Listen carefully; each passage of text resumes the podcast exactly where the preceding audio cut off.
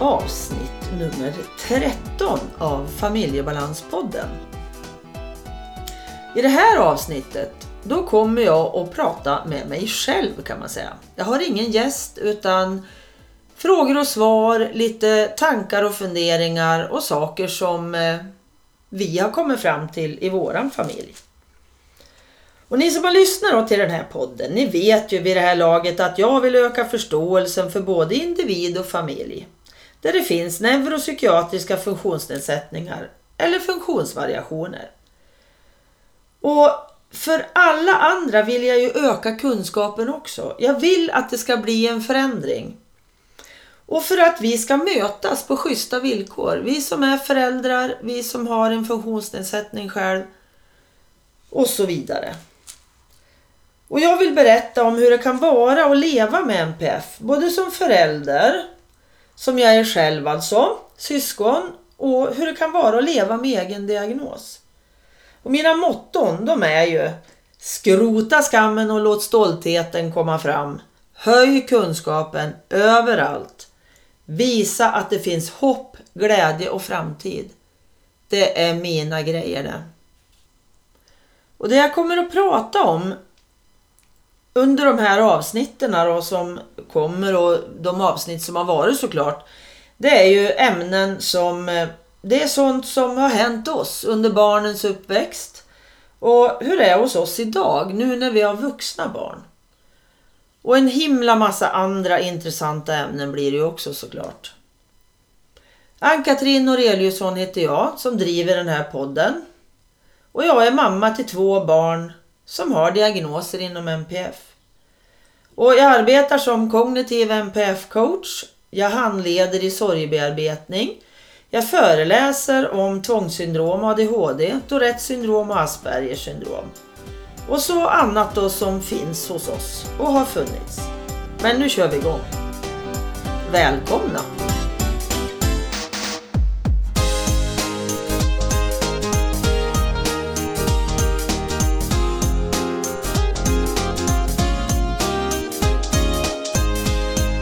Idag så kommer ni att få lyssna till mig, Ann-Katrin Noreliusson. Det är bara jag idag. Eh, Marcus och jag har provat några gånger under veckan men det har inte gått jättebra. Han tyckte att nej, jag orkar inte, jag vill inte. Och jag kände att då är det bara att gilla läget. Då får jag köra ett eget avsnitt. Och då har jag valt att köra lite frågor och svar. För jag bad i några grupper på Facebook att jag skulle få lite frågor från föräldrar.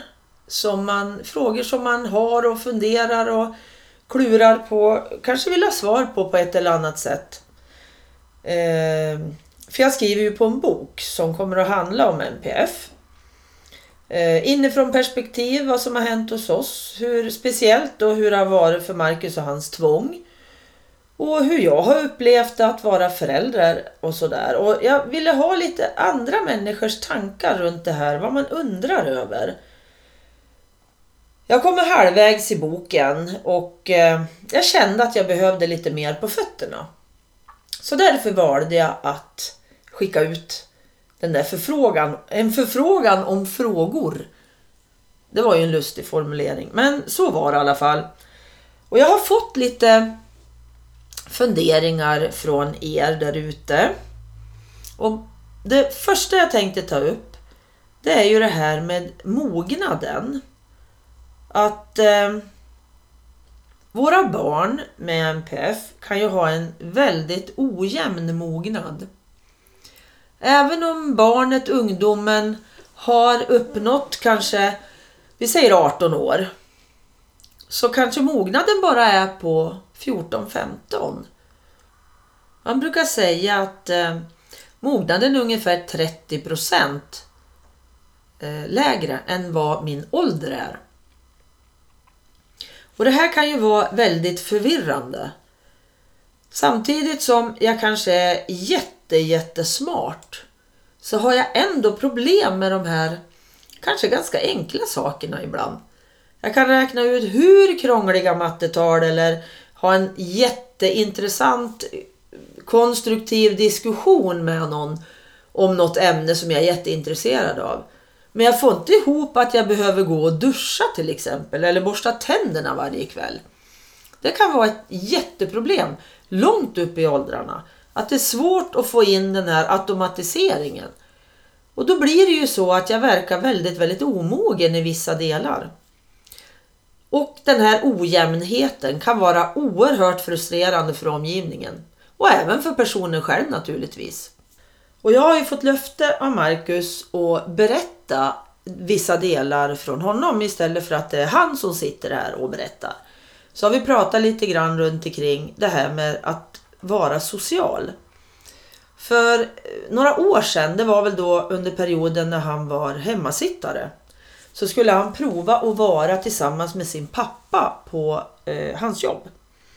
Och det är på gymnasieskolan här i Hudik. Pappa Anders då jobbar som vaktmästare där. Och Marcus skulle då få en möjlighet att komma ut och vara lite social, träna på det. Men det vart jätte, jätte, jättejobbigt för Marcus att vara där. För att på kvällen innan han skulle dit, då funderade han på vad fasiken kommer de att fråga mig imorgon då? Då måste jag ju veta vad jag ska svara. Så all kraft som gick åt till det här undrandet för honom att eh, klura på vad fasiken kommer de att svara med, fråga mig imorgon och vad jag, ska jag svara då då? Vilket gjorde att han tyckte det var så himla jobbigt det här så han valde att vara hemma. Och vi kände att vi kunde inte tvinga han ut heller utan han behövde den här perioden hemma.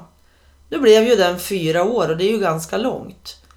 Men eh, ja, för hans del så var det ju det enda rätta. Så idag så känner ju han att han, han tränar upp sitt, so, sitt sociala spel eller sin sociala kompetens. Den håller han på att träna upp idag. Och han har ju hunnit bli 26 år. Och eh, det kan vara ganska tufft att känna att jag inte riktigt vet hur, hur jag ska bete mig med andra människor. Fast han nu är en väldigt artig och jättetrevlig person. Så tycker han ändå att det kan vara jättejobbigt att vara med, med andra människor. Han väljer till exempel själv att hellre åka ensam ut på lite utflykter i bilen då, som han använder jättemycket. Och sen han köpte den så har han ju kört 1500 mil. Och det är ju bara på vad blir det, fyra, fem månader ungefär. Och eh, för, hon, för honom är det här jätte, jättehärligt att kunna ta sig någonstans. Och han tycker det är bäst när han får vara själv. En annan fråga som också kommer upp då och då. Det är semester. Med ett jättestort frågetecken efter. Vad fasiken, hur ska vi bete oss på våran semester? Och samma frågetecken, eller lika stort frågetecken i alla fall, det hade vi också. Att hur ska vi bete oss på våran semester? Förutom att vi är hemma. För vi valde att vara hemma väldigt mycket för att det var här som det var lugnast. Speciellt för Marcus men även för Martina. Så att eh, vi ville ju åka någonstans. Vi ville ju göra något vi också. Och eh, det vi hade i tankarna var ju att vi skulle åka till Legoland. För Marcus älskade ju Lego och då visste vi att får han vara någonstans där han trivs och tycker det är kul, då kommer det att bli bättre för oss andra också. Så vi tänkte att vi väntar tills han är så pass stor så att eh, han kommer att ha något nöje av det och glädje av den här resan. Och vi funderade en del på hur vi skulle göra så kom vi på att vi kanske skulle prova husvagn. Så vi har med oss vårat hus med alla våra saker. Eller alla våra saker var det ju inte men vi hade med oss i alla fall det vi behövde. Så vi hade en liten tv, vi hade tv-spel och sådana grejer. Så vi stack iväg och lånade husvagn ända nere i Helsingborg. Så att vi åkte härifrån Hudik ner till Helsingborg först och lånade husvagnen där. Och så tog vi färja över till Danmark och var där i några dagar. Och besökte Legoland och gjorde lite andra saker som passade oss. Och vi var där det inte var så mycket folk. Och resan gick hur bra som helst. Det var jättetrevligt för oss allihopa. För med det här att vi hade köket med oss, vi kunde stanna när vi i familjen vart hungriga. Ofta är det ju så att man är väldigt, väldigt känslig för det här energin som går ner när jag är hungrig. Och det blir irritation och det blir bråk. Och det kan det ju vara i vanliga familjer också. Men hos oss var det extremt noga att vi hade regelbundna mattider. Vi hade bra käk så att det fylldes på. Vi kunde stanna och fika när vi ville. Och husvagn var bara super. Så vi hade en semester till sen där vi hade lånat en husvagn. Där vi åkte till norra Sverige och det funkade också alldeles, alldeles strålande. Så att det är något jag kan rekommendera om man känner att det är lite svårt att komma till nya platser och upplever att det blir väldigt stökigt och bökigt i familjen. Så testa något sånt. Det kan bli riktigt, riktigt, riktigt bra. Sommarloven har ju annars gått rätt så bra här hos oss när vi har varit hemma. Eller när vi har varit ute i, i mormor och morfars stuga. Där barnen också då var, kände sig väldigt hemma. Så det har funkat jättebra. Det är de korta loven som har varit det absolut svåraste hos oss. Då har det varit fullständig kalabalik för att först blir man ledig. När jag precis har landat i den här ledigheten, när den kanske bara är en vecka, som påsklov och sportlov och höstloverna, då har det varit väldigt, väldigt jobbigt. För strax när man har förstått att nu är det ledigt och vi har anpassat oss till den här ledigheten, då är det dags att varva upp och så ska jag till skolan igen. Så de loven har varit jättejobbiga. Det har inte alls varit någonting som vi har längtat efter, de här korta loven. Men på sommarlovet då har det ju varit så att det har varit så långt. Så att man har, barn har hunnit varva ner. Och eh, landat och fått in en, en rutin i att vara ledig istället. Och det har då varit två månader tills vi skulle varva upp igen och komma in i skolan. Så sommarlov och långa lov har funkat bra men inte de korta har funkat här hos oss. Det har varit mycket ledsamheter då. Och Anders och jag har ju gjort så att eh, vi har i princip alltid delat på oss på semestern. Så vi, någon av oss har varit hemma så då barnen har haft någon här hos sig eh, under hela sommarlovet. Så en har tagit tidig semester och den andra sen och så har vi växlat så. Och gjort allt för att det skulle finnas någon hemma hos dem. För eh, mina barn har inte klarat av att vara hemma själv på det sättet som många andra barn klarar. Utan vi har behövt som vuxna runt omkring våra barn väldigt mycket. Bland annat för att de har bråkat väldigt mycket sinsemellan också. Inte så mycket när vi har varit borta kanske, då har det varit lite lugnare. Men vi har känt att de har behövt oss eh, väldigt, det har väldigt tydligt har vi märkt att då, vi behöver vara där de är.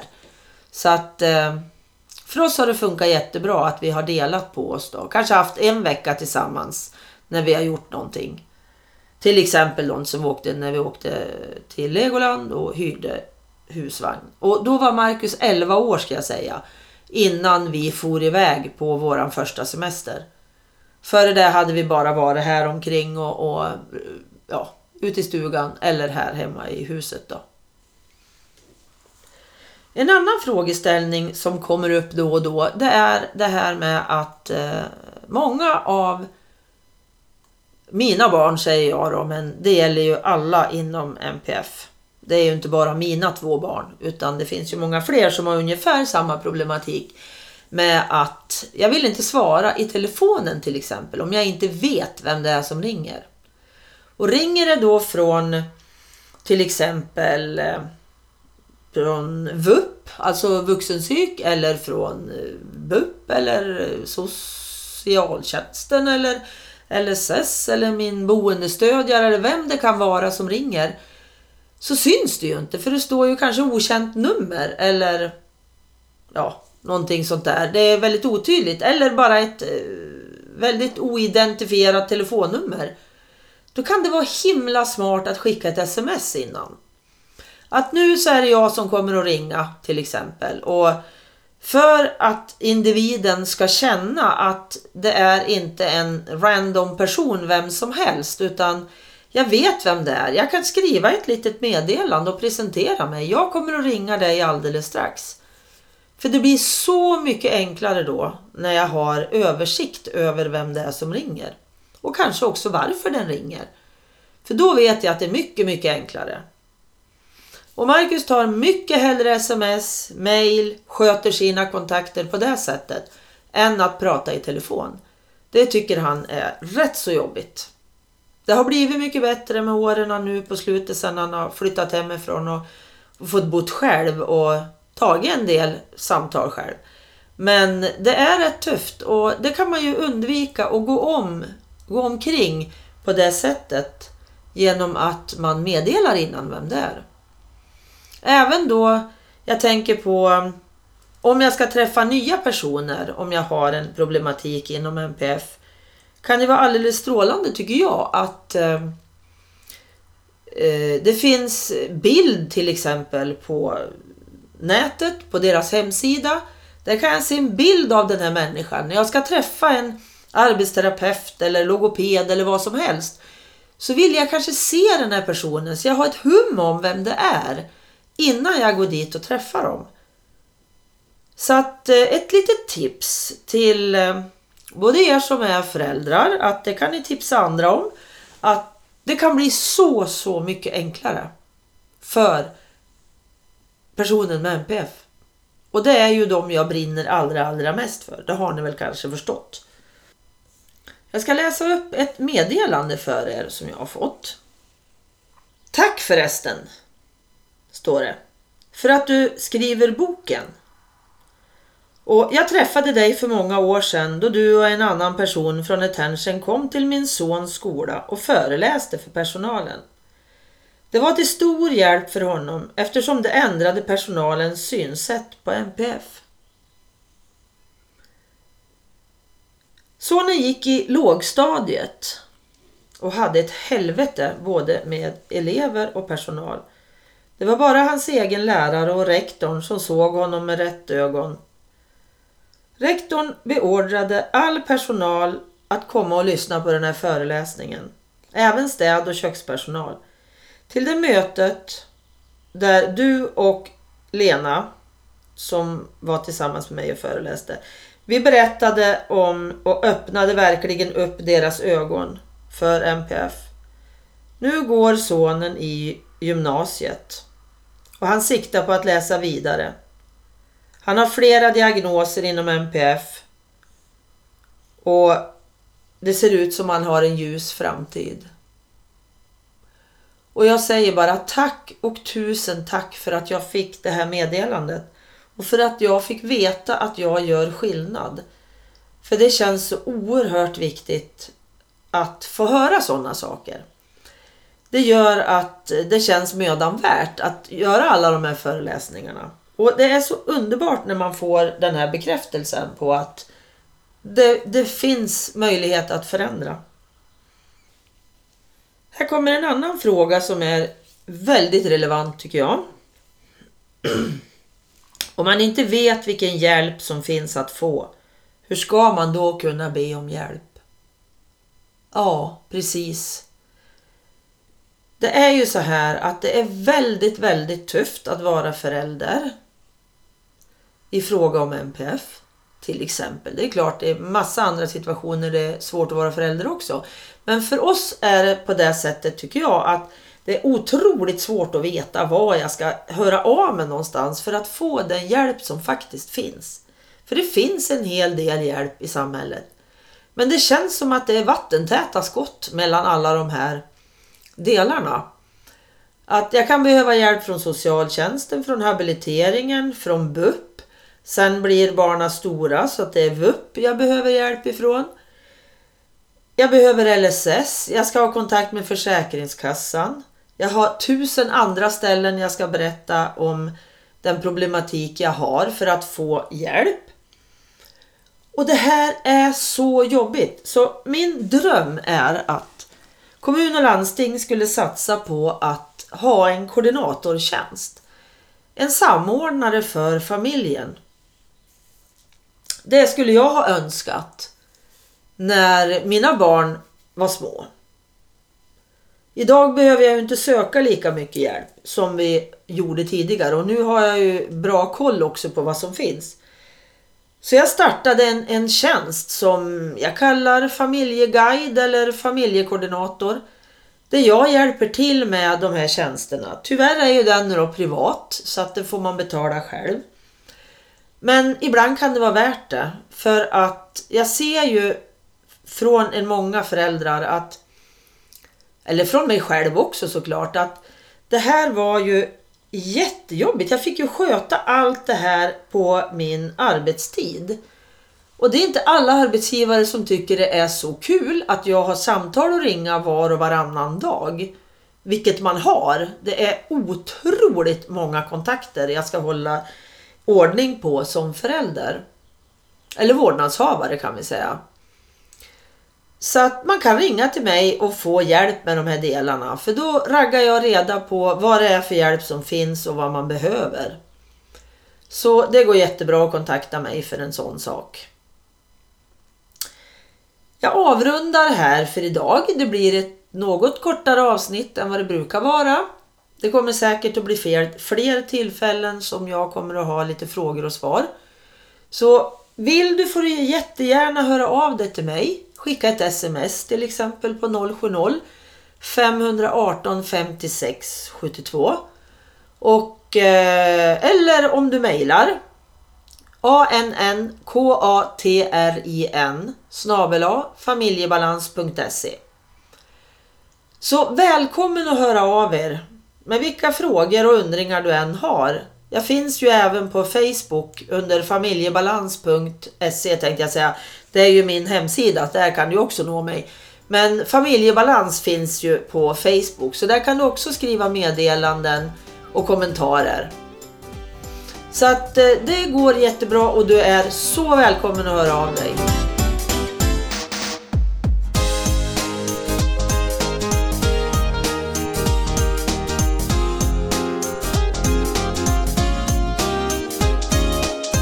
Tack till dig som lyssnat. Tack till Pelle Zetterberg för musiken, till Pernilla Wahlman som fotade mig, till Marcus som fixade poddloggan och naturligtvis tack Anders för att du redigerar mitt prat. Hoppas vi hörs igen och att du kommer in och lyssnar när det kommer nya avsnitt. Du vet väl att det går att prenumerera på den via iTunes. Och även Soundcloud också. Går det jättebra att prenumerera. Ni är hjärtligt välkomna att ta kontakt med mig så jag upprepar mitt telefonnummer 070 518 56 72. Och som jag sa tidigare, hör gärna av er och skicka ett mail. Så på återseende en annan vecka. Hej då!